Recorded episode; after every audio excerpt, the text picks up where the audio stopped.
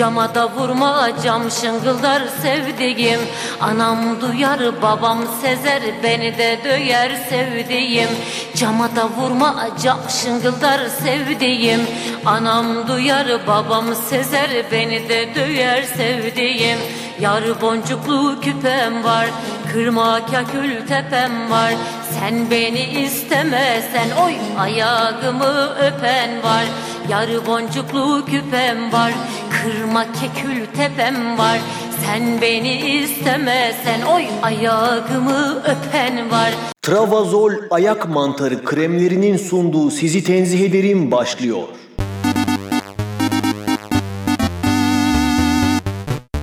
Sizi tenzih ederim.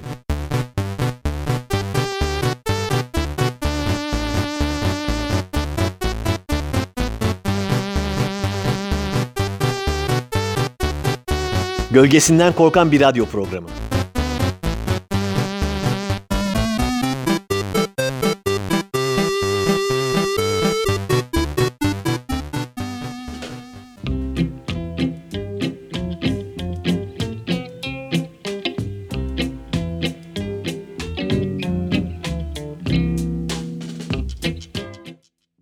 Merhaba sevgili Radyo Karavan dinleyenler. Nasılsınız inşallah? İyisiniz maşallah diyoruz ve 67. programımızı da açıyoruz. Bu programımıza cama da vurma cam şıngırdar sevdiğim, annem duyar, babam sezer, beni de düer sevdiğim, yar boncuklu küpem var, kırma kahkül tepem var. Sen beni istemezsen oy, ayağımı öpem var diyerek başladık. Ne de güzel, ne de süper başladık. Peki boşuna mı böyle başladık? Valla inanmayacaksınız ama boşuna böyle başladık dostlar. Öylesine böyle başladık. Ama illa bir yere bağlamamız gerekiyorsa sizin gönlünüz olsun diye gündeme bir şekilde bağlarız. Mesela koronavirüs vaka sayıları yine arttı. Birbirinizin ayağını öpmeyin. Öpmek zorundaysanız da maskeyle öpün diyebiliriz. Nasıl? Şimdi mutlu musunuz? Alın bağladık. Zaten vaka sayılarının artmaması şaşırtıcı olurdu. Bunların nedenini geçen program uzun uzun anlattık. Şimdi tekrar anlatmayalım. Görünüşe göre de sürece yeniden başlamış gibi olacağız. Tekrar sokağa çıkma yasakları gelebilir. İlk dalgayı boş geçirenler, pişmanlıkları olanlar, krizi fırsata çeviremeyenler bu ikinci dalgayı kaçırmasın. İlkinde acemiydiniz. İkincisinde daha planlı programlı olun. Varsa okunacak kitap, izlenecek film, dizi, açılacak Instagram canlı yayını, yapılacak ekşi mayalı ekmek, balkondan çalınacak müzik onları şimdiden not alın. İkinci dalgaya hazırlıksız yakalanmayın. Yakındır çünkü sokağa çıkma yasakları. Geçen hafta gördüğüm birkaç görüntü bu fikrimi pekiştirdi. Birincisi sokakta yürürken yerde gördüğü maskeyi eğilip aldıktan sonra tereddüt etmeden yüzüne takan amca. Bir diğeri de hapşururken maskesini yüzünden çıkarıp hapşırdıktan sonra tekrar maskeyi takan adam. Bu iki örnek halkımızın hala maskenin mantığını anlamadığını gösteriyor. Bu saate kadar da anlamadılarsa bundan sonra biraz zor gibi. Adam yerde bulduğu maskeyi yüzüne takıyor ya. O adam büyük ihtimalle sokakta içilmemiş bir dal sigara bulsa onu da alıp içen biridir. Mantık aynı çünkü. Hem maske hem sigaranın az da olsa maddi bir değeri var. E o zaman bana lütfedilmiş bu beleş ürünü neden tüketmeyeyim ki? Yani sonuçta ben de yerde bir 10 kuruş, 25 kuruş falan bulsam hemen cebime atıyorum. Bir TL bulsam üzerine atlıyorum. Şöyle bir çakmak, güzel bir tükenmez kalem görsem hafiften bir içim gidiyor. Kontrol ediyorum. Ama sigara ve maske nedir ya? Belki sigara bir ihtimal olabilir ama maske nedir ya? Bu hapşururken maskeyi çıkartmak da aslında biraz anlaşılabilir. Çünkü önceki tecrübelerimizde çok sık karşılaştığımız bir olay değil. İnsan sanki bir şey yapması gerekiyormuş gibi hissedebilir. Hapşuruğu içinde patlayacakmış gibi paniğe kapılabilir. Tıpkı çiş yaparken hapşurmak gibi insanın ezberini bozan, şaşırtan bir durum. Bu durumdaki vatandaşlarımıza da şunu söyleyeyim. Öksürmeniz, hapşurmanız gelirse maskenizi çıkarmıyorsunuz. Bir panikle maskeyi çıkarsanız bile kafanızı tişörtünüzün içine sokup öyle hapşuruyorsunuz.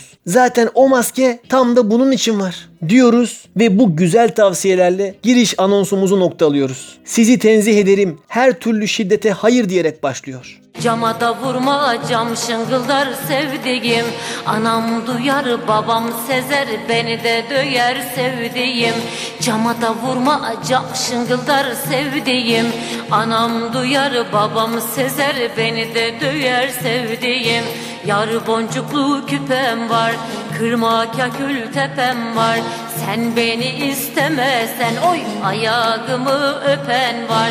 Yarı boncuklu küpem var Kırma kekül tepem var. Sen beni istemesen oy ayağımı öpen var. Cama da vurma cam şıngıldar sevdiğim. Anam duyar babam sezer beni de duyar sevdiğim. Cama da vurma cam şıngıldar sevdiğim. Anam duyar babam sezer beni de duyar sevdiğim.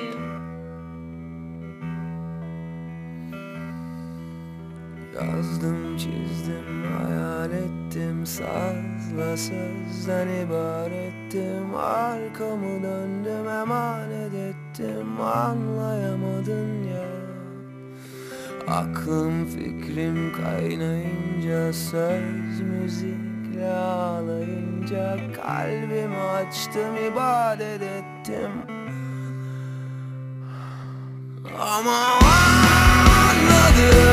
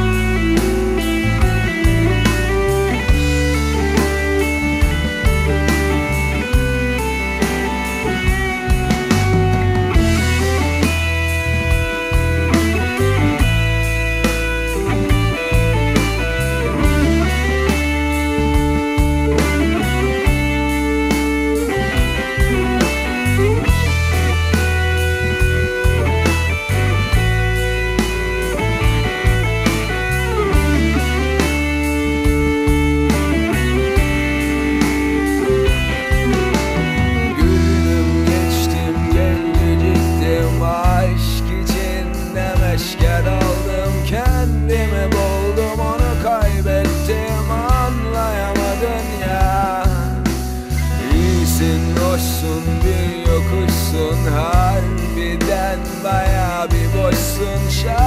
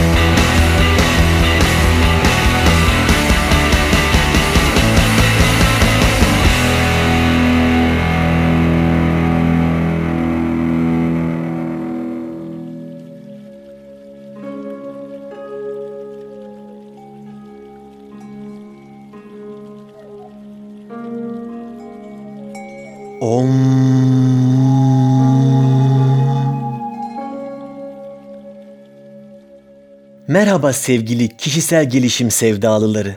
Hu hu. Merhaba dostlar. Buradayım buradayım. Yukarıdayım. Uçuyorum. Sizin geleceğinizi unutmuşum. Biraz uçayım dedim. Şimdi siz şöyle biraz geri çekilin. Bana biraz yer açın da ineyim. Üstünüze düşmeyeyim. Heh indim. Nasılsınız görmeyeli? Geliştik mi? Maşallah size. Daha da iyi olacaksınız inşallah. Bugünkü sohbetimizin konusu mutluluk. Mutluluklar. Mutluluklarımız. Kim istemez ki mutlu olmak? Belki de birçoğumuzun hayat amacıdır mutlu olmak. Neler vermeyiz ki mutlu olmak için? Peki mutluluk nedir? Mutluluk bütün özlemlere eksiksiz ve sürekli olarak ulaşmaktan duyulan kıvanç durumu, ongunluk, kut, saadet, bahtiyarlık, saadetlilik demektir. Ben demiyorum. TDK diyor. Ayrıca TDK'nın güncel Türkçe sözlük sayfasında arama kutucuğuna mutluluk yazınca hemen altında mutluluk çubuğu kelimesi çıkıyor. Onun bizim konumuzla alakası yok. Ama TDK'nın verdiği mutluluk tanımına bakacak olursak mutluluk çubuğuna da ongunluk çubuğu, saadet çubuğu, bahtiyarlık çubuğu diyebiliriz. Her neyse konu nasıl buralara geldi anlamadım. Mutluluk diyorduk. Peki şunu düşündünüz mü hiç? İnsan neyle mutlu olur? Parayla mı? Başarıyla mı? Kariyerle mi? Yoksa şöhretle mi? Hayır dostlar, hiçbiri değil. Nereden mi biliyorum? Çünkü medyayı takip ediyorum. Arada sırada zengin ve başarılı ünlüler dünyanın geri kalanına mutluluğun bu olmadığını hatırlatır. Yüksek hayat felsefelerini bizlerle paylaşırlar. Bunların başında da Jim Carrey gelir. Jim Carrey'i severiz, sayarız. Çok yönlü, büyük bir sanatçıdır. Kendisinin şu sözünü ele alalım. Umarım bir gün herkes ünlü ve zengin olur. Hayal ettiği her şeye kavuşur ve böylece asıl cevabın bu olmadığını anlar. Bakın ne de güzel söylemiş büyük usta. Gerçi herkes ünlü ve zengin olursa ünlü ve zengin olmanın bir anlamı kalmaz ama olsun. Yine de güzel demiş. Bunu Jim Carrey söyleyince oluyor. Ama Cristiano Ronaldo söyleyince olmuyor dostlar. Hele ki üstü çıplak, yere oturmuş, baklavalarını bizlere gösterirken ve hemen arkasında milyon dolarlık arabaları varken. Ronaldo ne demiş? Bir de ona bakalım isterseniz. Bazen keşke param olmasa diyorum. En pahalı ve en iyi arabaya, en iyi eve, en iyi uçağa, jetlere sahibim. En lüks kıyafetleri giyiyorum. Param olmasa belki heyecanım olurdu. Ama şu an bir şey alabilmek için hiç heyecan yapmıyorum. Bu hayattaki en kötü şeymiş. Ah canım benim ya. Yazık. İçimizde bir yerler cız etti. İnsanın senin derdini s**eyim Ronaldo diyesi geliyor. Neden mi? Çünkü Ronaldo'nun bu sıkıntısının çözümü çok basit. Mal varlığını başka insanlara dağıtmak. Kimseyi dağıtmak istemiyorsan da yakıp yok etmek. Bak ne güzel çözüm bulduk. İşte yeniden sıfırdan başlayıp büyük bir heyecanla hayata dört elle tutunabilirsin sevgili Ronaldo. Bunu da sana artık biz söylemeyelim. Bu iki örnekte de gördüğümüz gibi mutluluk zenginlik ve şöhrette değilmiş. Peki nerede bu mutluluk? Onun da cevabı sıradaki şarkıda. Hadi ben uçtum. Om.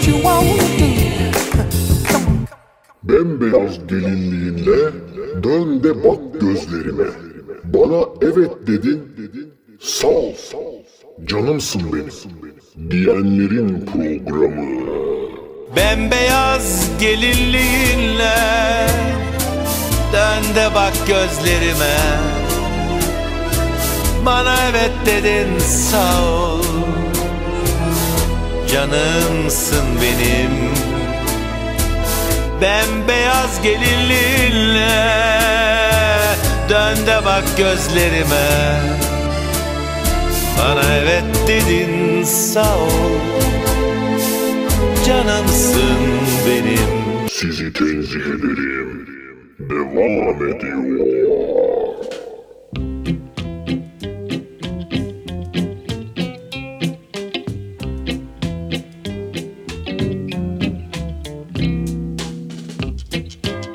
Klasik müzik ne güzel değil mi dostlar? Ne kadar saygı duyulası bir müzik. Klasik müzik deyince insanların aklına hep kalite, ciddiyet, saygı, disiplin gibi şeyler geliyor. Haksız da sayılmazlar. Bu bir paket program gibi. Bir insan klasik müzikle uğraşıyorsa otomatikman üzerine bir olgunluk, bilgi birikimi ve düzgünlük geliyor. Pazar günleri TRT Radyo 3'te çocuklar için bir klasik müzik programı var. Bizim ufaklıkla arada onu dinliyoruz. Bazen 12-13 yaşında konservatuarlı çocukları yayına alıyorlar. Yani inanamazsınız. 12 yaşındaki çocuk bir konuşuyor, sanırsın 75 yaşındaki dede konuşuyor. Öyle düzgün cümleler, kendinden emin, birikimli. Yani insanın ayağa kalkıp önünü ilikleyesi. Siz yorulmayın isterseniz Berkcan dedecim. Şöyle oturup biraz istirahat edin diyesi geliyor. İşte bunlar hep klasik müzik eğitiminden, klasik müzik kültüründen. Çocuk Beethoven diyor, Bach diyor, Prelüt diyor, Füg diyor, Andante diyor, Prestissimo diyor, diyor da diyor. Biz de büyük bir saygıyla dinliyoruz. Mesela aynı yaşta pop müzikle uğraşan bir çocuğa gidip diye el şakası yapılabilir. Ama aynı şakayı klasik müzikle uğraşan çocuğa yaparsan rica ederim kendinize gelin bayım. Bu ne seviyesizliktir, bu ne aymazlıktır deyip ağzınızın payını verir gibi geliyor. Bence klasik müziğe saygı duyulmasının önemli bir nedeni de eser isimleri. Çünkü çoğunda eser ismi yok. Hep sayı. Bu sayılar da eserler tasnif edilirken hep başkaları tarafından sonradan verilmiş. Eserlerin ismi hep şöyle. İkinci cilt No 1 Do majör prelüt. İyi düzenlenmiş klavye. İkinci cilt No 1 Do majör füg.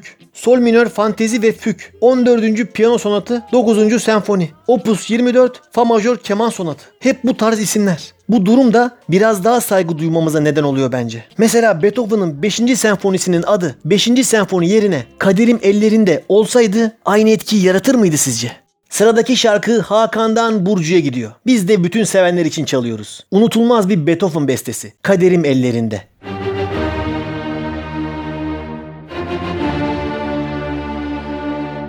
Olmadı bence. Aynı etkiyi yaratmadı. Ya da Mozart'ın 40. senfonisinin adı Yüreğim Firarda olsaydı. Olur muydu sizce? Şimdi Mozart'tan dinliyoruz. Yüreğim Firarda.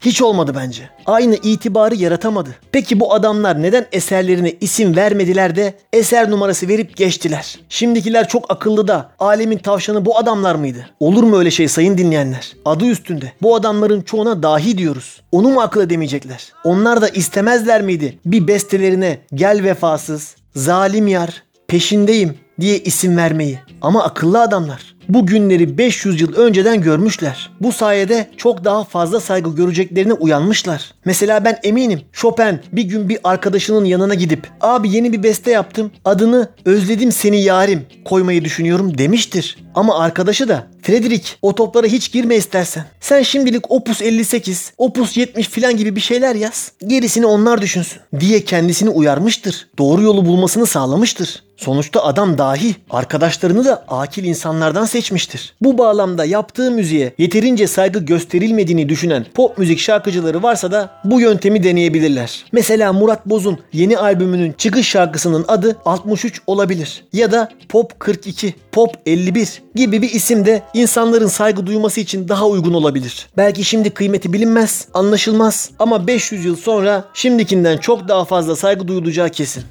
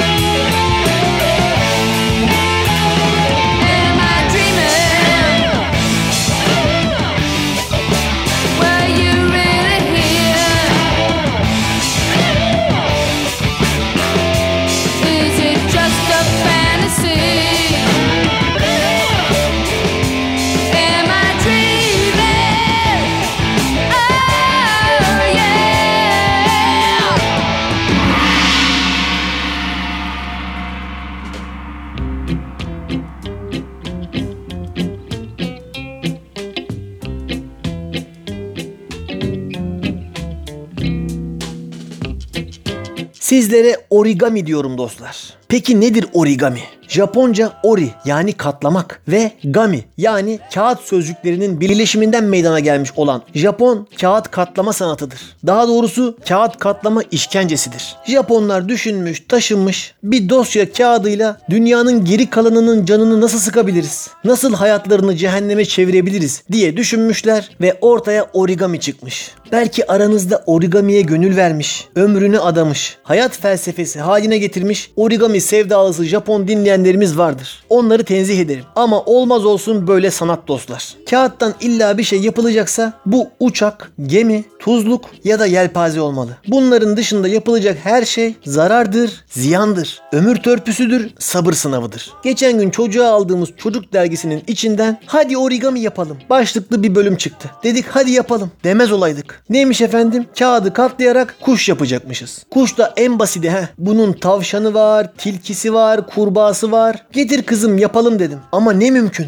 Hatta na mümkün. Bir de oraya nasıl yapılacağını çizerek anlatmışlar. Ama onu anlamak da imkansız. Çünkü kesinlikle anlaşılmıyor. 3 boyutlu bir planı 2 boyutlu bir düzlemde anlatmak çok zor çünkü. Bir de bazı yerleri arkaya kıvırmak lazım. Bazı yerleri kıvırıp açmak lazım. Bazen kağıdı döndürmek lazım filan. Çok zor yani onu çizerek anlatmak. Tırtıklı çizgilerle, oklarla filan anlatmaya çalışmışlar. Ama cık, İmkansız yani. Bir yaptım, iki yaptım olmadı. 16 basamaklı işlemler dizisinin 5. basamağında kaldım. Hanım zaten 3. basamakta vazgeçip bana vermişti. Ben de onun rekorunu 2 basamak geliştirip 5. basamağa kadar çıkardım. Ama o kadar. Dur kızım baştan yapalım. Şurası böyle galiba. Dur bir de şöyle deneyelim diye diye kağıtta yer bezi gibi oldu. Bütün kat yerleri birbirine karıştı. Yeni kağıt aldım. En baştan yine başladım. Temiz bir sayfa açtım. Bu sefer de 6. basamağa kadar gelebildim. Ama ortaya çıkan şeyin kuşa benzer hiçbir yanı yoktu. Daha çok üstünden kamyon geçmiş bir tırtıla benziyordu.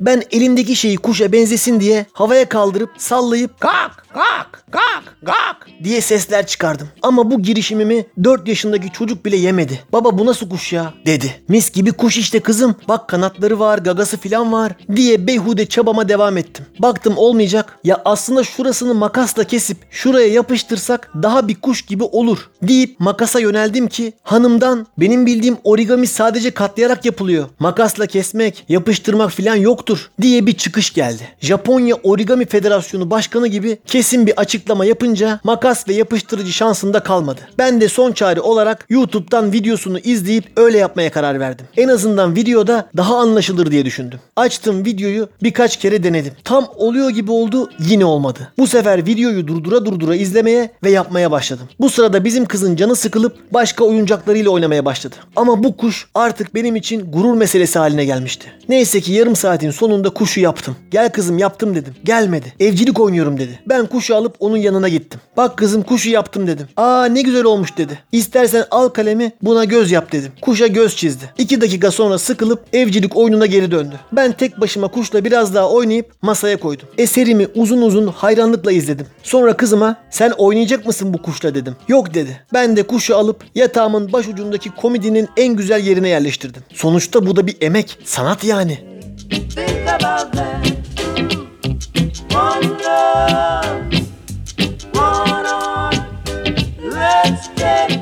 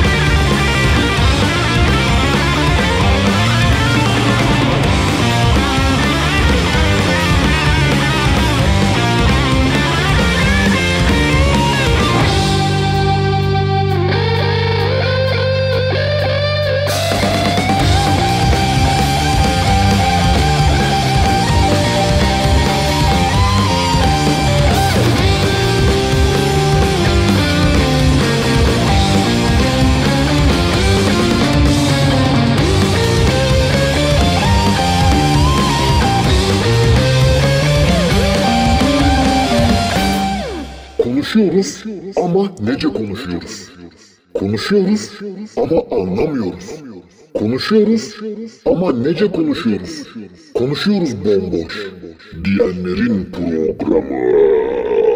Konuşuyoruz ama nece konuşuyoruz Konuşuyoruz ama anlamıyoruz Konuşuyoruz ama nece konuşuyoruz Konuşuyoruz bomboş Konuşuyoruz ama nece konuşuyoruz Konuşuyoruz ama anlamıyoruz Konuşuyoruz ama nece konuşuyoruz Konuşuyoruz bomboş Sizi tenzih ederim. Devam ediyor.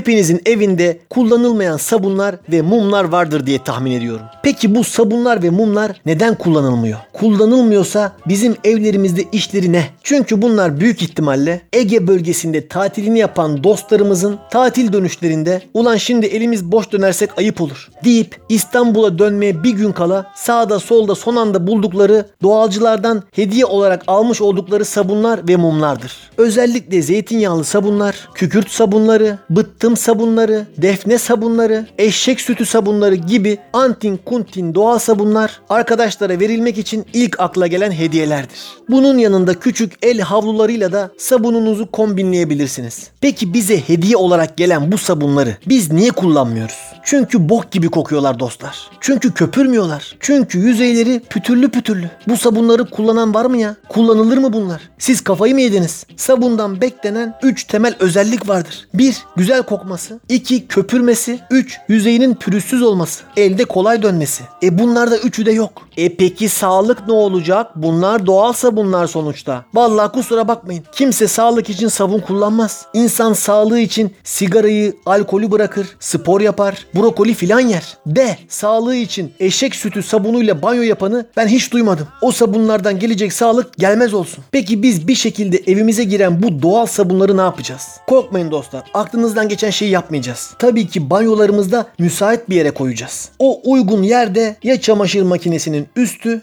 ya da tuvalet aynasının önündeki yer olur. Ve o sabunlar uzun yıllar sürecek istirahatlerine başlarlar. Üstleri tozlana tozlana 5-10 yıl beklerler. Ben bir keresinde 18 yıl beklediği için taşlaşmış kükürt sabunu gördüm ya. Diğer sabunları ibret olsun diye öylece banyoda duruyordu. Bir keresinde elimi yıkayayım dedim elim kanadı. Bu sabunlar ufaldığı halde atılamayan diğer sabunlarla işbirliği yapıp banyonuzu ele geçirebilirler. O yüzden yılanın başını küçükken ezmek lazım. Ben de geçen gün öyle yaptım. Normal kullandığımız el sabunlarının da bittiği bir dönem ben banyoda yıllardır duran şu doğal sabunları el sabunu yapacağım dedim. Yetti artık dedim. Zeytinyağlıyı banyoya, defne yapraklıyı mutfağa koydum. Koymaz olaydım. Böyle bir rezalet yok dostlar. Yani sabunlar kullanılacak gibi değil. Elinizi, ağzınızı bu sabunlarla yıkadıktan sonra üstüne bir de normal sabunla yıkamak lazım. Öyle bir kokuları var. Sabunlukta beklerken vıcık vıcık oluyorlar. Krem gibi ele yapışıp bir türlü durulanmıyorlar. Tam bir fiyasko. Ama bir şekilde stokları da eritmek gerekiyor. Burada kullanılacak bir doğal sabun vardı. Onu da ben kullandım. Hadi sabunları bir şekilde kullandık da mumları ne yapacağız? Evde kolum kadar kalın turuncu bir mum var mesela. Nasıl kullanılır o? Bir sürü rengarenk, şekil şekil mum var. Aranızda mum kullanan var mı ya? O kadar romantik misiniz gerçekten? Mum dediğin elektrik kesilince kullanılır. Elektrik kesilince kullanılan mumlar da bellidir. Fi tarihte bakkaldan ucuza alınmış uzun beyaz mumlardır. Onlar buzdolabında yumurtalıkların altındaki yerde durur. Elektrik kesilince buzdolabından çıkartılıp ocak yakmak için kullanılan tabanca çakmakla yakıldıktan sonra çay tabağına biraz damlatılır. Sonra üzerine dik bir konumda sabitlenir. Birisi tuvalette aynanın önüne ya da sifonun üstüne, diğeri de salon masasına konulur. Bu böyledir yani. Bunun dışındaki mum kullanımları fanteziye girer. Artık evlerde eskisi kadar sık elektrikler de kesilmiyor. Ne yapacağız yani biz mum kullanmak için? Akşam evde ışıkları kapatıp mı oturacağız? Ruh filan da çağırmıyoruz yani büyücü de değiliz. Maalesef bu konuda mumlar sabunlar kadar şanslı değil. O mumların kaderinde uzun yıllar mum gibi durmak var. One love, hear my plea. One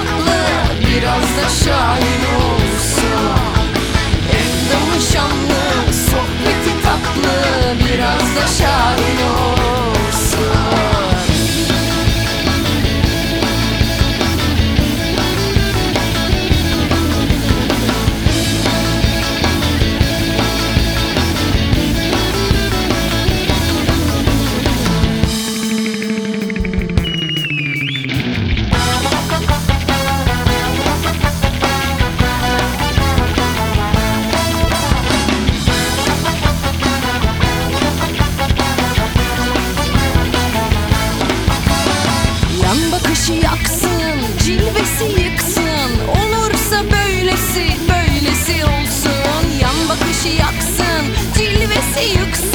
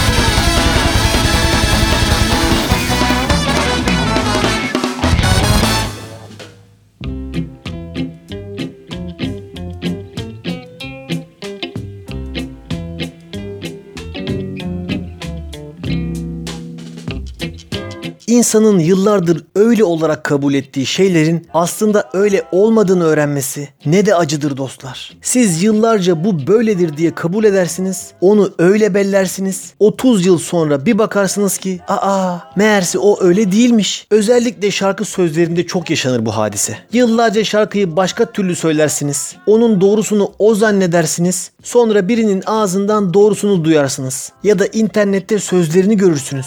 Hadi ya dersiniz. O öyle miymiş ya dersiniz. Kendinizi kandırılmış, aldatılmış gibi hissedersiniz. Geçen günlerde ben de böyle bir olay yaşadım. Üstünüze afiyet. Ben bu PC klavyelerindeki alt tuşunu biraz da altta durduğu için hep bizim kullandığımız alt kelimesi gibi benimsemiştim. Yani bunu özellikle hiç kafa yormadım. Alt J, Alt G, Alt S falan deyince hep bizim alt sandım. Sonuçta klavyenin altında duran bir tuşun üstünde alt yazıyorsa benim de onu Türkçedeki alt olarak algılamam çok normal bence. Bu durumu hiç sorgulamadım. Aslında bu alt ne demek acaba diye bir Allah'ın günü de aklımdan geçmedi. Altta duruyorsa alttır. Üstte dursaydı üst yazarlardı herhalde diye düşündüm. Ta ki geçen gün bir belgeselde görünceye dek. Ne kadar entel kuntel bir insan olduğumu, belgesel izlemeden geçirdiğim bir günümün olmadığını bilen bilir. Yok ya şaka yapıyorum dostlar. Arada televizyonu sessize alıp birden 999'a kadar bütün kanalları ikişer saniyelik aralıklarla zaplamak özel zevklerim arasında. Hepsi bu kadar. Yine böyle sessiz moduna alınmış bir zapping günümde bir İtalyan kanalında kala kaldım. Uzayla alakalı belgesel haber tarzı bir program vardı.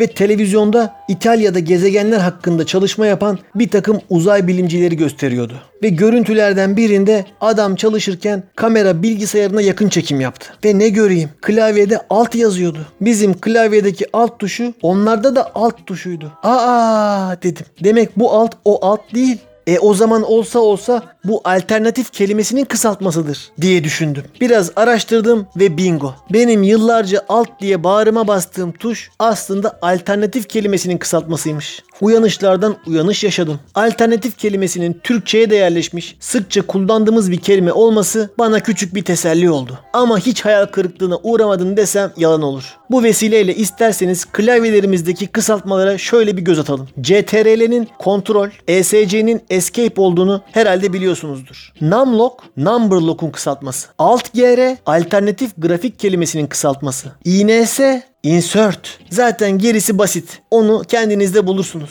Diyeceklerim bu kadar.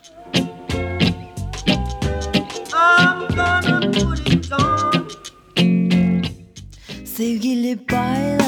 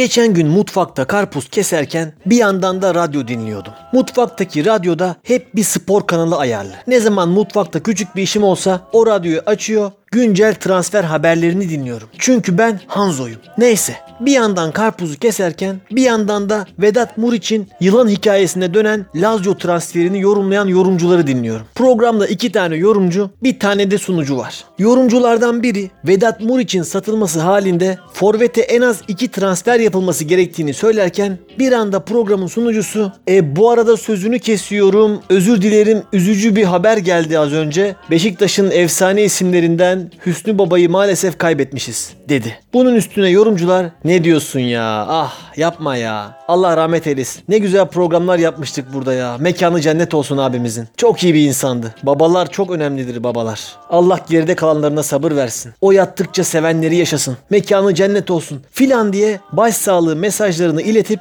üzüntülerini dile getirdiler. Bu böyle birkaç dakika sürdükten sonra Tekrar Fenerbahçe'nin transfer gündemi ve Vedat Muriç'in 20 milyon eurodan aşağıya gitmemesi gerektiği yorumlarına devam ettiler. 10 dakika kadar sonra yorumcu yorumunu yaparken sunucu tekrar araya girip "Ee, sözünü kesiyorum çok pardon bu arada çok önemli bir haber geldi bana şimdi. Hüsnü Baba ölmemiş yaşıyormuş dedi. Bunun üstüne yorumcular sunucuya hayda ya kardeşim sen ne biçim adamsın ya. Sen böyle bir bilgiyi teyit etmeden niye millete söylüyorsun ya? Yapılır mı böyle bir şey? Hayret bir şeysin ya. Gerçekten acayip bir adamsın diye haklı olarak sunucuya sitem ettiler. Program canlı yayınlanıyordu ve hemen sonrasında da reklam girdiler. Büyük ihtimalle reklam arasında yorumcular o sunucuya ya sen ne gerizekalı dangalak sen ne eşek bir adamsın demişlerdir. İşin acayibi bu aynı zamanda televizyonda da eş zamanlı canlı yayınlanan bir programdı. Demem o ki dostlar sosyal medyada her gördüğünüz habere lapin gibi sazan gibi atlamayın. Özellikle ulusal kanalda hafta sonu öğlen saatlerinde hem televizyondan hem de radyodan canlı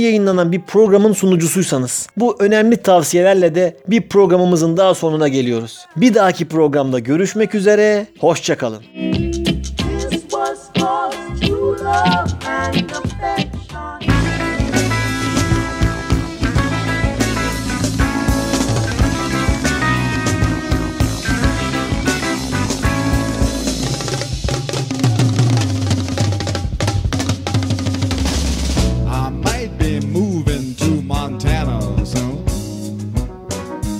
Just to raise me up a crop of dental floss.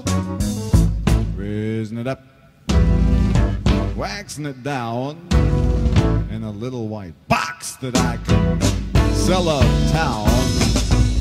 But by myself, I wouldn't have no boss, cause I'd be raising my lonely dental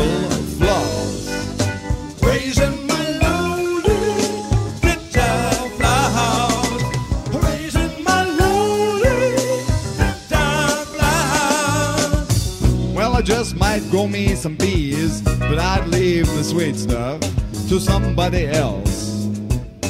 How about you right over there? And then I would keep the wax and melt it down pluck the floss and swish it around, and I would have me a crop.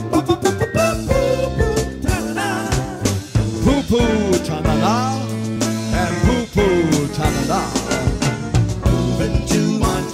soon.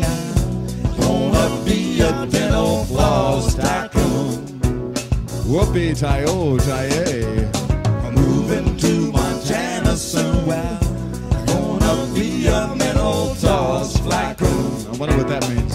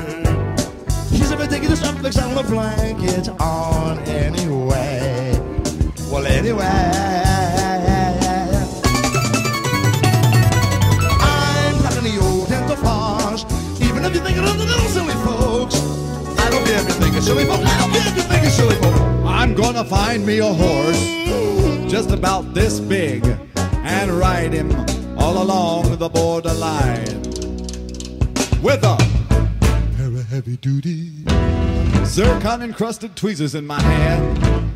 Every other wrangler would say I was mighty grand. But by myself, I wouldn't have no boss, cause I'd be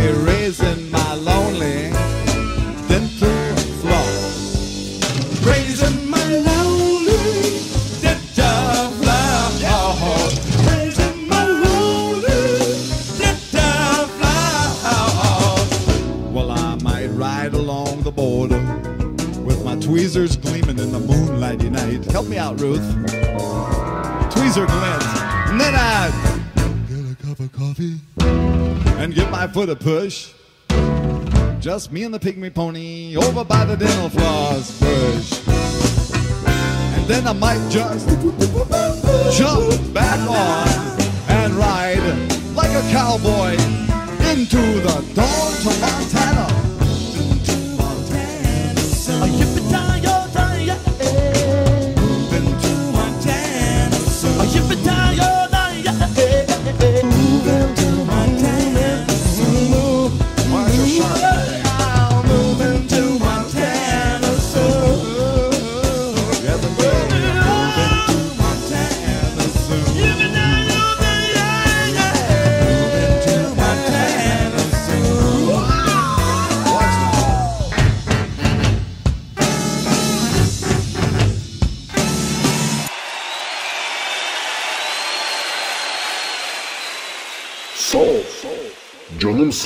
Benim. Diyenlerin programı.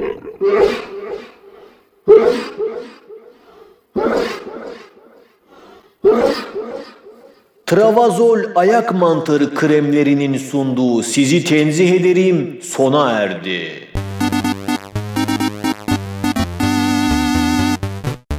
Sizi tenzih ederim.